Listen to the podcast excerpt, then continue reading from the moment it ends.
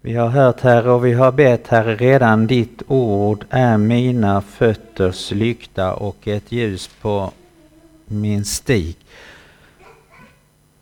Nu ber vi Herre avhölj ögonen på mig, ta bort täckelset så att jag får syn på underverket i Bibeln, underverket i ditt underbara ord.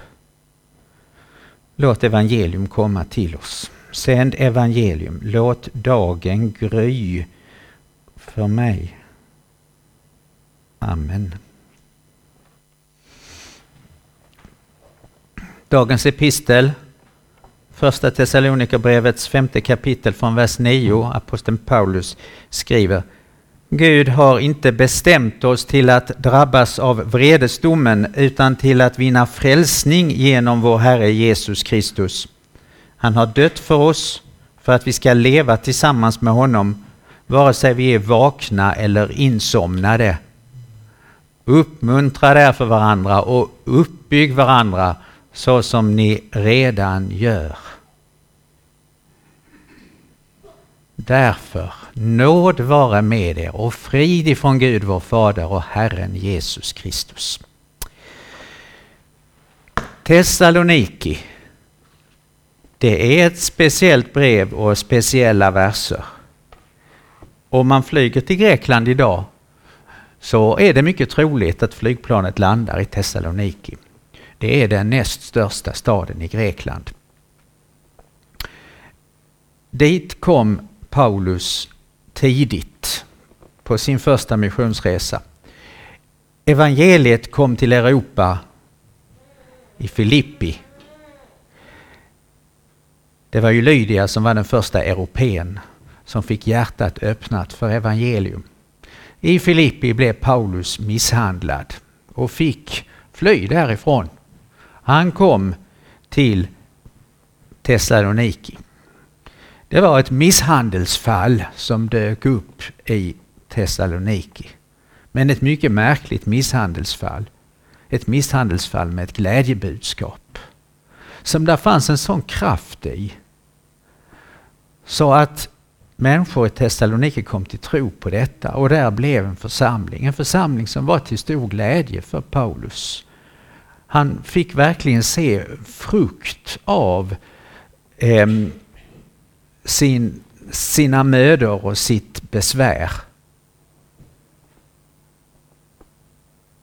Men de behövde ju hjälp när Paulus sen var tvungen att lämna Thessaloniki. Och om vi ska förstå hur de hade det där i Thessaloniki i det här läget så var det så att de hade ju lärt sig lite om gudstjänst och hur man firar gudstjänst genom synagogans gudstjänstordning. Det började ju ofta med, med synagogan och den ordningen tog ju de kristna över med, med olika textläsningar. Alltså först kommer ju en läsning ur Moseböckerna, lagen, och sen eh, kommer ur profeterna. Och så är ju sångerna, det är ju hela tiden saltaren. Saltaren tillhör skrifterna. Lagen, profeterna och skrifterna kallas Gamla Testamentet. Så här fanns ju en ordning. Men det nya för de kristna var att man i gudstjänsten, förutom att man lyssnade till Gamla Testamentet, så var det ju någon som eh, berättade den inlärda berättelsen om Jesus. Evangelierna var inte skrivna. Det var en muntlig berättelse och den fanns i lite olika eh, versioner. Jesus hade nog tränat upp sina apostlar så att några eh, lärde sig vissa delar av det som var hans undervisning så att de kunde det och därför har vi ju något som vi kallar för bergspredikan och något som vi kallar för slättpredikan. Som är ju lika varandra men inte är riktigt likadant. Och då ingick det ju att man lyssnade till det som kom att man kallade för evangelium. Ehm, det var ju berättelsen om vad Jesus hade gjort och vad han hade sagt. Men det fanns alltså inga brev. Det fanns inte några brev alls. Det fanns ingen nytestamentlig skrift överhuvudtaget för dem i Thessaloniki eller i någon annanstans heller. Och så skriver Paulus första brevet till Thessalonikerna. Det som vi har som epistel idag. Epistel betyder ju brev. Och det är av allt att döma Nya Testamentets första skrift. Det är alltså mycket tidigt. Det har inte gått så lång tid efter eh, Jesu uppståndelse. Det är alltså påskläge och därför passar det ju bra att vi, vi har det nu också.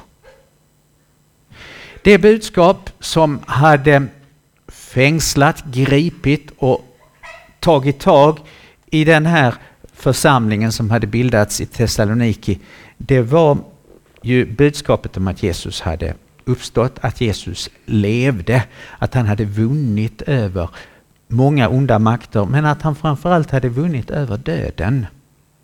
Det visste de där. Jesus, han har vunnit över döden. Nu ska vi inte dö. Och att Jesus kommer tillbaka. Snart kommer Jesus tillbaka. Och de tänkte att det är mycket, mycket snart. Det är så snart så några av dem i Thessalonik, de kristna där, tänkte att det, det finns ingen anledning att jag fortsätter min utbildning för Jesus kommer ju snart. Och några tänkte att eh, eh jag, slutar, jag slutar jobbet, jag vill eh, vänta på, på Jesus nu och eh, eh vittna om honom. Men eh, eh, de slutade jobba och, och andra eh, slutade med annat av det som hör till vanligt liv. De tänkte inte bara att Jesus kommer snart, utan de tänkte att han kommer mycket, mycket, mycket snart. Det finns ingen anledning att sätta igång något projekt här i övrigt, för det kommer ändå inte att, bli något av det eftersom Jesus kommer när som helst. Och så hände det att det var någon av de kristna som dog. Och det blev en chock. Och sen dog där en till av de kristna. Nej, men vad är detta för någonting? Det ska ju inte dö någon. Eh, Jesus har ju vunnit över döden. Och det är det som Paulus måste skriva om i det första brevet. Och sen måste han skriva ett brev till där han ytterligare förklarar detta. Och där han påminner om, jag har sagt er att innan Jesus kommer tillbaka så måste det först ske ett stort avfall och antikrist måste komma för där laglösheten inträder och, och så vidare. Så att de ska inte sluta jobba och de ska inte eh, sluta med det goda vanliga livet. Men visst, det är fortfarande sant att Jesus kommer snart. Jesus kommer mycket snart. Det är, det är helt och hållet genom hela Nya Testamentet. Så är det och så ska vi också tänka och mena. Ehm, men här har vi anledning till varför Paulus då säger så här i slutet av den här lilla korta, korta biten. Han säger ehm, vi ska leva tillsammans med Jesus vare sig vi är vakna eller insomnade. Eh, Paulus vill inte använda ordet antingen vi lever eller dör. Därför att han tycker inte att de kristna ska tänka att det är en död när någon, någons kropp slutar andas eller någons eh, hjärta slutar slå. Det ska en kristen kalla för ett insomnande. För så kommer det ju ett uppvaknande av kroppen på uppståndelsens morgon när Jesus kommer tillbaka. Och själen den, den somnar egentligen aldrig utan den är ju vaken hela tiden. För det är så att eh, om det skulle hända med dig att ditt hjärta skulle sluta slå en dag eller att dina lungor skulle sluta andas så, eh, så slutar du inte tänka för det. Och du slutar inte vilja och du slutar inte känna. Utan det är ju själsfunktionerna, ditt tankeliv, ditt viljeliv, ditt känsloliv. Det fortsätter. Och det fortsätter hela tiden. Och eh, om det är så att du inte eh, litar på frälsaren Jesus när detta händer så fortsätter dina tankar i samma tråkiga banor som nu. och din vilja fortsätter i lika förvänd riktning och med samma orena längtor som nu. Och ditt känsloliv är lika förvirrat som nu. Men om du litar på frälsaren Jesus när du slutar andas och ditt hjärta slutar slå så kommer det innebära att ditt tankeliv blir väldigt förändrat och viljelivet och känslolivet och du är hos Jesus även om din kropp ligger i graven. Men det ska vi inte fördjupa oss i nu. Men det är därför som Paulus talar om det, vare sig vi är vakna eller insomnade. Ehm, de här få verserna, 9, 10, eller tre verser, de är ett koncentrat av hela det här brevet, första Thessalonikerbrevet. Så det är ju väldigt bra att det är just de som är utvalda här för att vi ska... Annars hade det blivit liksom hugget ur sitt sammanhang och blivit stympat. Men nu får vi faktiskt huvudsaken av detta brevet genom de här verserna. Och då började Gud har inte bestämt oss till att drabbas av vredesdomen. Vad tänkte de i Thessaloniki om vredesdomen? Jo, de hade ju hört om vredesdomen i de gammaltestamentliga läsningarna som de hade ur Moseböckerna. Där, där står det om detta. Och faktiskt var det väldigt bra att vi fick höra om molnstoden och ökenvandringen. För det var någonting som hände under ökenvandringen.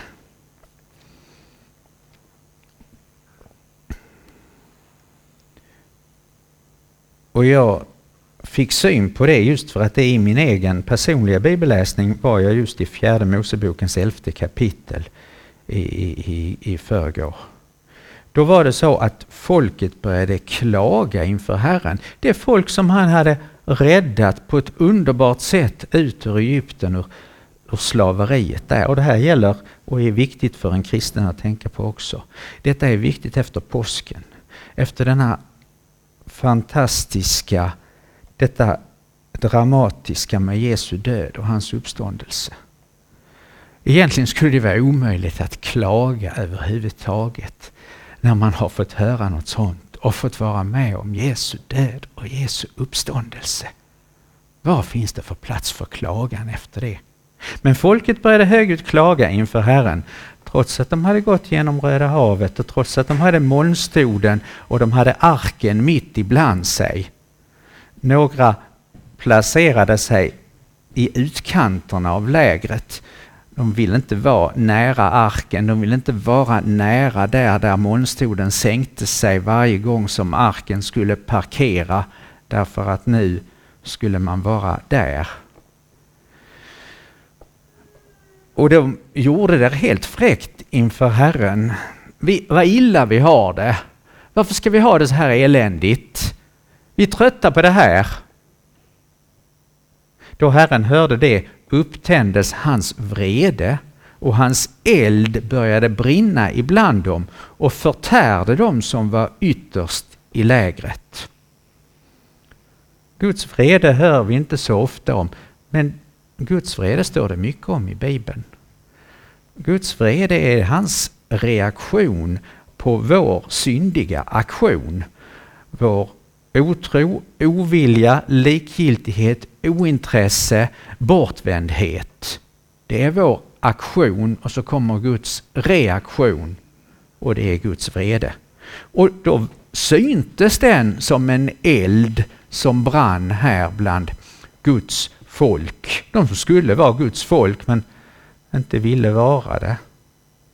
Och så uppslukade elden de som var ytterst i lägret, de som höll sig borta från centrum. De var inte centrerade kring Herrens väldiga frälsningsgärningar utan tittade efter eh, purjolök och rödlök och eh, efter meloner och efter fisken som de var vana vid att få i Egypten och som de nu inte kunde hitta där ute i öknen. Och de längtade efter den där fisken och purjolöken och rödlöken. Eh, För i den delen av Egypten där eh, hebreerna blev placerade då när den första faraon var vänligt inställd till Josef, den hette ju Gåsen och det var ett eh, oren del av för egyptierna. Därför eh, hade ju inte fara något emot att de slog sig ner där. Vanliga egyptier ville inte bo där, har jag läst någonstans. Men det var ett gott och bördigt land av Nildeltat. Så det var bara att ösa upp fisk ur Nilen varje dag. Man behövde inte bekymra sig för dagligt bröd om man bara hade tid över efter slavarbetet. Fast förresten så var det ju inte alla som höll på med det där tunga slavarbetet. Någon i familjen var väl hemma och kunde eh, ösa upp fisk ur Nilen så att man kunde äta gott på kvällen. Och där fanns alltså alla de här grönsakerna till också så man kunde få fina måltider. Och nu var de så trötta på mannat, fast mannat var gott. Mannat är en bild av Guds ordet, av ordet från Gud som eh, vi får tillgodogöra oss varje dag, dag efter dag efter dag. Och som ju ett ljuvligt, underbart budskap. Men de var trötta på det. Fast det smakade som semla med honung och fast man kunde både koka det eller steka det eller äta det naturellt. Mannan kunde tillredas på många olika sätt så det behövde inte bli enahanda egentligen. Det var prima mat. Men de, de var så trötta på det. Detta tråkiga gudsordet. Vi är så trötta på att lyssna till predikan. Det är ju samma sak varje gång. Det är aldrig någonting som är intressant. Det är bara samma gamla budskap hela, hela tiden. Ge oss någonting nytt, ge oss någonting annat. Där är en likhet mellan oss och Israels folk. När elden började brinna då ropade de till Moses Ja, de var ju inte vana längre vid att vända sig till Gud så de fick be honom att ropa till Gud och då bad Mose till Gud och elden dog ut och sen fick den platsen namnet Tabera för det betyder brand därför att Herrens eld hade brunnit ibland dem. Och här är ju Mose på något vis som Jesus, som medlare, som den som ber för sitt folk. Och det är ju väldigt klokt om du gör det när du börjar tycka att, att eh, Bibeln är tråkig och att predikan är tråkig och att du tycker att den här kverulansen stiger upp inom dig. Jag möter väldigt många kverulanter, sådana som kvirrar alltså. I gamla översättningen stod det att de knorrade. Jag tycker jag möter många som knorrar. Jag har arbetskamrater som knorrar. Så fort det sker någon ändring i arbetet så, så äh, är det här är inte rätt och vilket dåligt fack vi har som inte kan göra någonting åt detta och, och, och så är det kvirr och så är det... Men när jag tänker närmare på det så är det ju inte bara de som är runt omkring mig som är kverulanter.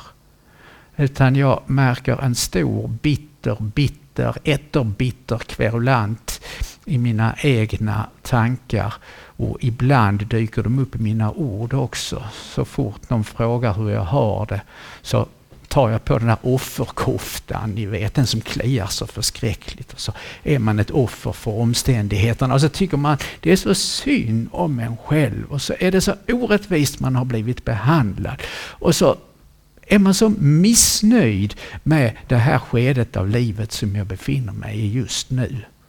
Det är klageriet, det kverulansen som får fritt fram så att säga. Då ska man ropa till Jesus som de ropade till Mose. Bed för mig, bed för mig. Jesus ber för dig. Jesus ber för dig att du ska komma lyckligt igenom. Och han har gjort allt som behövs för att det ska ske också. Um, Ja, det hade de i Thessaloniki hört om, om vredesdomen. Men så är alltså den första meningen att Gud har inte bestämt oss till att drabbas av vredesdomen. Och det är väldigt viktigt.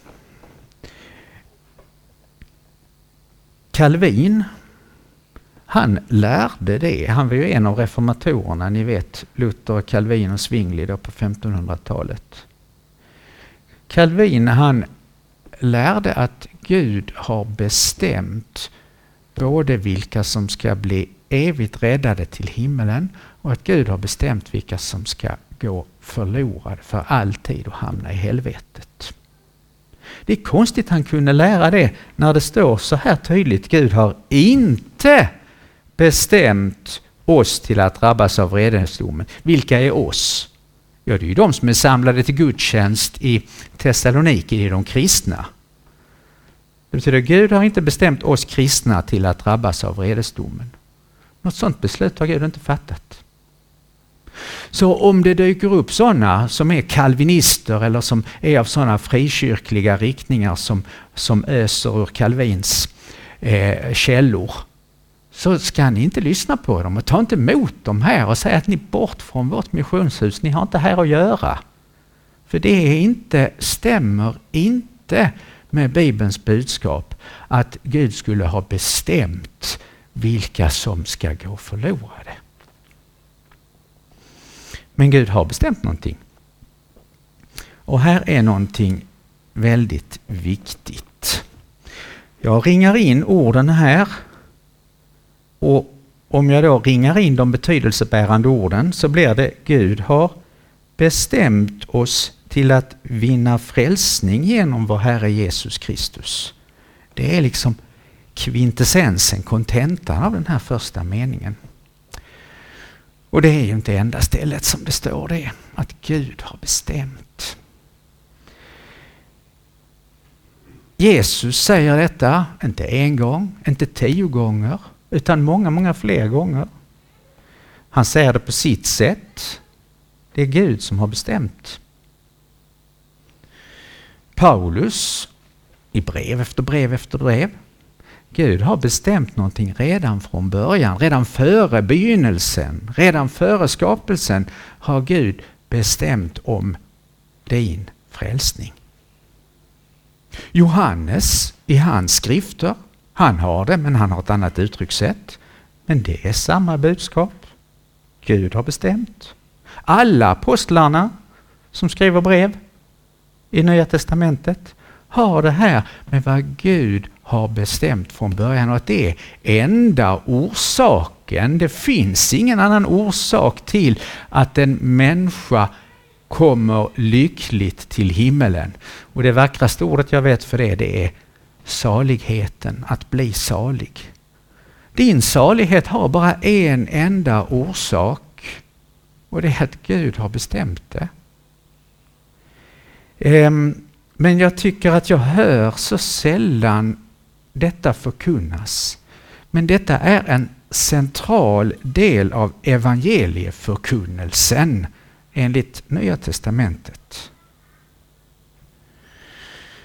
Och det skulle ju vara intressant om vi hade tid med det någon gång, att gå igenom alla Jesusställena, alla Paulusställena, alla Johannesställena och alla apostlaställena om det här med att Gud har utkorat Gud har utvalt. Och detta är till för att vi ska bli glada. Detta är inte till för att någon ska bli sur eller ledsen eller uppgiven eller tänka då är det kört för mig. Detta är till för glädje.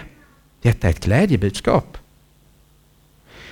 Att vara utvald är ju egentligen någonting alldeles härligt fantastiskt. Det är det ju på mänskligt plan också. Om en människa som är väldigt viktig för dig. Kanske du tycker det där är den finaste människan i hela världen. Och så börjar du förstå, eller det blir tydligt för dig, att han har valt mig. Hon har valt ut mig. Är det inte lycka? Är det inte alldeles fantastiskt? Jag är utvald! Jag fattar inte. Och, och, och det måste ju funnits de som skulle varit mycket bättre och väldigt och så är jag utvald. Den är tase, det misslyckade typ. Äh, man fattar det ju inte, men ändå så så, så, att han har valt mig. Och hur uttrycker Paulus det mer här? Gud har inte bestämt oss till att drabbas av vredesdomen utan till att vinna, vinna frälsning genom vår Herre Jesus Kristus. Att vinna, då är det ju inte att jag har förtjänat det. För om du vinner högsta vinsten i ett lotteri så är det ju inte för att du har gjort dig förtjänt av det utan det var ju för att det, det blev så att vinsten tillföll dig. Högsta vinsten i det här fallet, för det är saligheten det handlar om och det måste ju vara högsta vinsten. Det måste ju vara mer än om man skulle vinna 10 miljoner. Vad är 10 miljoner för någonting? Det är, det är ju ingenting jämfört med saligheten. Vem är detta till för? Vem gäller det? Det gäller den som vill lyssna och den som vill fortsätta att lyssna till ett så här underligt budskap. Till att vinna frälsning genom vår Herre Jesus Kristus. Bibeln heter ju Bible på engelska. Och så är det en fyndig amerikan antagligen som har tänkt att man kan skriva upp Bible på höjden och så ta varje bokstav och låta det stå för någonting viktigt. Så då står det för B, Basic Instruction Before Leaving Earth. Och då skulle Bibeln betyda eh, grundläggande instruktion före lämnandet av jorden. Grundläggande instruktion innan man ska lämna jordelivet. Det blir Bible då. Då slår det mig, det här måste vara en, eh, en evangelikal eh, amerikan. Det är inte en lutheran. En lutheran skulle istället uttytta så här att Bible betyder Basic Instrument before leaving earth. För Bibeln är inte i första hand en instruktion eller en information. För då kunde det göra så att när man har läst Bibeln en gång, ja, nu har jag tagit emot informationen, nu är jag informerad. Det var det här som var den information jag behöver. Nu har jag läst den. Har du någon annan bok för mig? Nej, detta är ett instrument. Och det är det som vi lutheraner kallar för nådemedel. Bibeln är mycket mer än en instruktion. Det är som ett instrument, som, ett, som en tvärflöjt ungefär. Ehm, I tvärflöjten så hörs det ett ljud därför att det är luft i rörelse. Luft som kommer i vibration. Och det vet vi att Bibeln talar om den heliga Ande som roar som luft i rörelse. Vinden blåser vart den vill. Och så är det. Guds gode heliga Ande verkar genom Bibeln som om Bibeln vore ett rör, en kanal. Och så händer det någonting när vi utsätter oss för detta ordet, när vi lyssnar till det, när vi läser det. Det är som en medicin, det är som ett medel. Det är inte bara instruktion, utan det är mer än instruktion. Basic instrument before leaving earth. Det är därför vi ska fortsätta att lyssna. Och det vill man när man har börjat få syn på någonting som jag aldrig hade kunnat räkna ut på egen hand och som ingen människas tankar skulle kunna tänka ut. Ett budskap som är helt annorlunda än alla andra budskap. Jag måste lyssna mer. För jag, det här måste bli mitt. Evangelium är det här budskapet. Och evangelium skapar tron hos den som lyssnar när och var det behagar Gud. Så lär våra bekännelseskrifter. Evangelium skapar tron när och var det behagar Gud. I Filippi så behagade det Gud att med sitt ord genom Paulus öppna Lydias hjärta. Och det står det uttryckligen, Lydias hjärta öppnades. Och så tog hon emot det. Det var inte hon som bestämde detta. Det var inte hon som valde detta. Gud har bestämt. Och det Gud har bestämt av evighet, det, är, det ingår i evangelieförkunnelsen. jag har sett fram emot att få komma till er här i Eket och, och att få prata med egentligen med var och en här om detta. För det här är en hjärteangelägenhet för mig.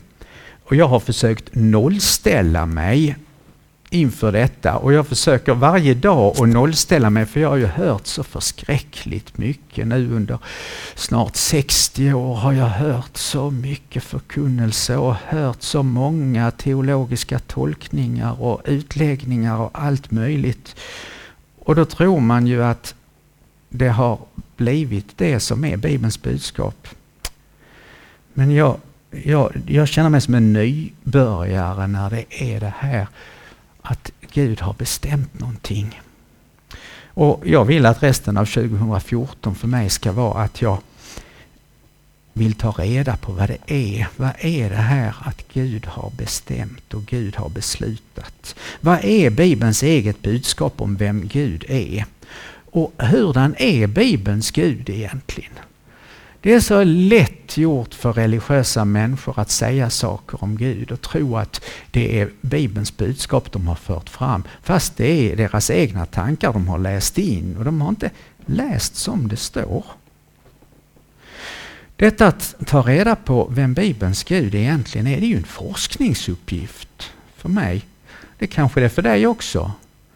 Ta reda på vad är det för en Gud som Bibeln talar om som har bestämt någonting. Inte bara något, utan som är den som bestämmer. Och det ligger ju det som vi just har bekänt i, i trosbekännelsen. Vi tror på Gud Fader allsmäktig. Det är inte bara en tankegrej det där att Gud tänker vi oss som allsmäktig. Gud är den allsmäktige. Och då finns det liksom inte någon makt till som är en delmakt Nej, det är Gud som är den allsmäktige. Men Paulus och de andra, de skriver och talar inte om Gud utan att samtidigt skriva och tala om Jesus. För talar man och skriver man om Gud bara, då blir det tokigt. Det blir vrängt det dyker upp felaktiga mönster i huvudet och man går därifrån med förvirring och man går därifrån med falska läror. Det blir bara det. Paulus har före sin omvändelse talat väldigt mycket om Gud. Han har hållit på med det ända fram till sin omvändelse. Men efter sin omvändelse så talar han inte om Gud utan att samtidigt tala om Jesus. Därför Lyssna inte till dem som talar om Gud utan att tala om Jesus. Det låter tjatigt, jag har sagt det förr, jag vet det. Men lyssna inte till dem som talar om Gud utan att tala om Jesus. Det blir bara en fel lära om Gud. Vi hörde det i evangeliet, vad som är det viktiga. Jesus nämnde ju förhärliga gång på gång. Nu har Människosonen blivit förhärligad och han ska bli förhärligad och Fadern ska förhärliga Människosonen. Det är Bibelns Gud. Bibelns Gud är soncentrerad. Det verkar vara att den guden som finns i Bibeln har en passion för att hans son ska förhärligas, ska få äran, ska bli upphöjd, inte bara för vissa saker utan för allt. Det är de kristnas kallelse att också vara soncentrerade, att vara Kristuscentrerade. Det är därför de kristna kallas för kristna. Det är ju fler än jag här som har hört Mats Gisselsson berätta om att Bibelns första bokstav på grundspråket det är B. Och Bibelns sista bokstav på grundspråket för Nya Testamentet det är N. B och N. Och det vet varje jude vilken vokal man ska sätta in mellan B och N för att det ska bli rätt ord. Det heter Ben. Och Ben betyder son på hebreiska. Så Bibeln är boken om Ben. Bibeln är boken om sonen. Um, och vi instämde i trosbekännelsen nyss och den är ju Kristuscentrerad en liten bit om Fadern först och så sist en liten bit om Anden och kyrkan. Men så i centrum, Sonen Jesus Kristus och vad han har gjort. Hans väldiga gärning på korset och hans väldiga gärning i uppståndelsen och hans himmelsfärd. Det är ju centrum. Om det har blivit så med dig, och det tror jag det har blivit. Om det har blivit så att du litar på frälsaren Jesus, så kanske du tänker, hur har det blivit så med mig? För eh, det var många, som, eller en hel del, som egentligen tycker jag borde förtjänat det bättre än vad, vad jag har och som har varit ivrigare sökare och noggrannare med sitt liv och sin livsföring. Och det verkar inte som de litar på frälsaren Jesus. Hur kommer det sig att det har blivit mitt enda hopp och att han har blivit den enda som jag förstår kan rädda mig? Ja, det är inte för att du har valt detta. Det är inte för att du har valt rätt föräldrar. Det är inte för att du har sökt ivrigare än någon annan och det vet du med dig också att det inte är. Och det är inte för att du har beslutat dig för detta. Jag har beslutat att följa Jesus. Det är nästan den värsta sång jag vet. Ehm, det är inte det det beror på, utan det är Gud som har beslutat. Detta är den enda frälsningsvägen. Guds beslut. Alltså när man läser teologi så måste man ju lära sig eh, buddhism också och hinduism och de andra stora religionerna. Och i hinduismen så finns det fyra frälsningsvägar. Man kan välja vilken av fyra vägar man vill för att man ska komma till eh, det som då kallas för nirvana i hinduismen. Eller moksha, som frälsningen man kan välja kärlekens väg, man kan välja meditationens väg, man kan välja allmosornas väg. Ja, fyra vägar finns det. Fyra frälsningsvägar. Så tänker vi, ja de där blinda hedningarna. Men så verkar det som om i kristna sammanhang det också finns mer än en frälsningsväg. Som om det skulle finnas två frälsningsvägar. När man hör vissa eh, predikningar som skulle vara väckelsepredikningar så går de ut på att du ska välja Gud, du ska ge dig åt Gud, du ska överlämna ditt liv. Det är så du blir frälst. Det här med Jesus då? Eh, var kommer Jesus in? Jo, jo, det är om du sen ser att det blir svårt, att du inte lyckas ändra ditt liv som du ska, så då, då får du krypa till korset. Och så blir det här liksom som väg nummer två, reservväg. Men det första är, ge dig åt Gud, bestäm dig för Gud. Och så blir Jesusvägen liksom en reserv, som det skulle finnas två vägar. Det finns bara en väg. Det är också Apostlagärningarnas tydliga budskap. Det finns inget annat namn under himmelen givet genom vilket vi blir frälsta än genom Jesus. Guds beslut om din eviga räddning, det är hans beslut i Sonen. Gud har valt, Gud har valt nåden i Kristus. Ingen förtjänst. Gud har valt nåden i Kristus. Och det är det som Jesus egentligen förkunnar i synagogan när de blir rasande och driver ut honom ur synagogan. Det är det som Paulus, det är det som Jesus säger till fariseerna och som de inte står ut med att höra om. Det är det som Paulus tar upp i synagogan när han börjar först i synagogorna. Så blir han utkastad därifrån. För han talar om nåden i Kristus. Och det är inte omtyckt, det är inte välkommet. Men det verkar faktiskt så när man läser Nya Testamentet och Gamla också, att det är genom sin ande som Gud handplockar en människa.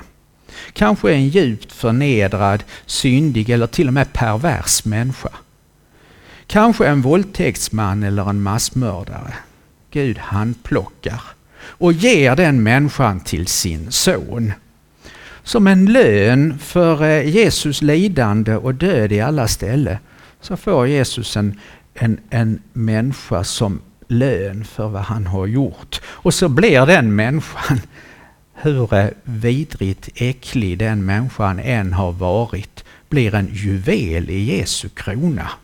Kung Jesus har juveler i sin krona och det är de som han, som Gud har tagit och gett åt honom. Och det är ju till Jesu ära. Det blir ju helt och hållet till Jesu ära. Om man ska sammanfatta vad våra bekännelseskrifter lär om detta så är det att om en människa blir salig, alltså om en människa blir evigt lycklig, så är det helt och hållet Guds förtjänst. Om en människa blir evigt olycklig och går förlorad så är det helt och hållet hennes egen skuld. Det är summeringen. Och somliga säger, men usch vilket budskap. Det är inte det jag vill höra och det håller jag inte med om. Nej, men du, lyssnar du till detta underliga budskap och fortsätter att lyssna det så sker detta underbara med dig. Du blir en sån juvel i Jesu krona. Vill du inte lyssna till en sån förkunnelse så missar du allt och då drabbas du dessutom av vredesdomen som vi hörde om. Du drabbas av vredesdomen för evigt. Du får inte syn på vad Jesus har gjort för dig och du får inte någon nytta av det. Men fortsätter du att lyssna till evangelium, då får du syn på vad Jesus har gjort för dig och du får nytta av detta, evig nytta. Jag skulle vilja fortsätta längre men jag skonar er. Gud har inte bestämt oss till att drabbas av vredesdomen utan till att vinna frälsning genom vår Herre Jesus Kristus. Han har dött för oss för att vi ska leva tillsammans med honom, vare sig vi är vakna eller insomnade.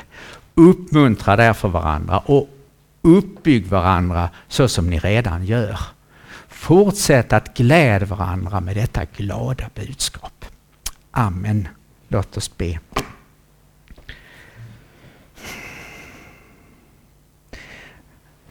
Herre Jesus, låt ditt evangelium fortsätta att komma till oss så att vi upptäcker kraften i det och så att det drar oss med oss. Drag oss till dig. Och hör oss när vi nu ber som du har lärt oss att be för oss och för alla andra. Fader vår som är i himmelen. Helgat var det ditt namn. Tillkomme ditt rike. Ske din vilja så som i himmelen så och på jorden. Vårt dagliga bröd giv oss idag och förlåt oss våra skulder så som och vi förlåta dem oss skyldiga äro. Och inled oss inte i frestelse utan fräls oss ifrån ondo. Ty riket är ditt och makten och härligheten i evighet. Amen. Vår Herres Jesu Kristi nåd, Faderns kärlek och den helige Andes gemenskap vara med er alla. Amen.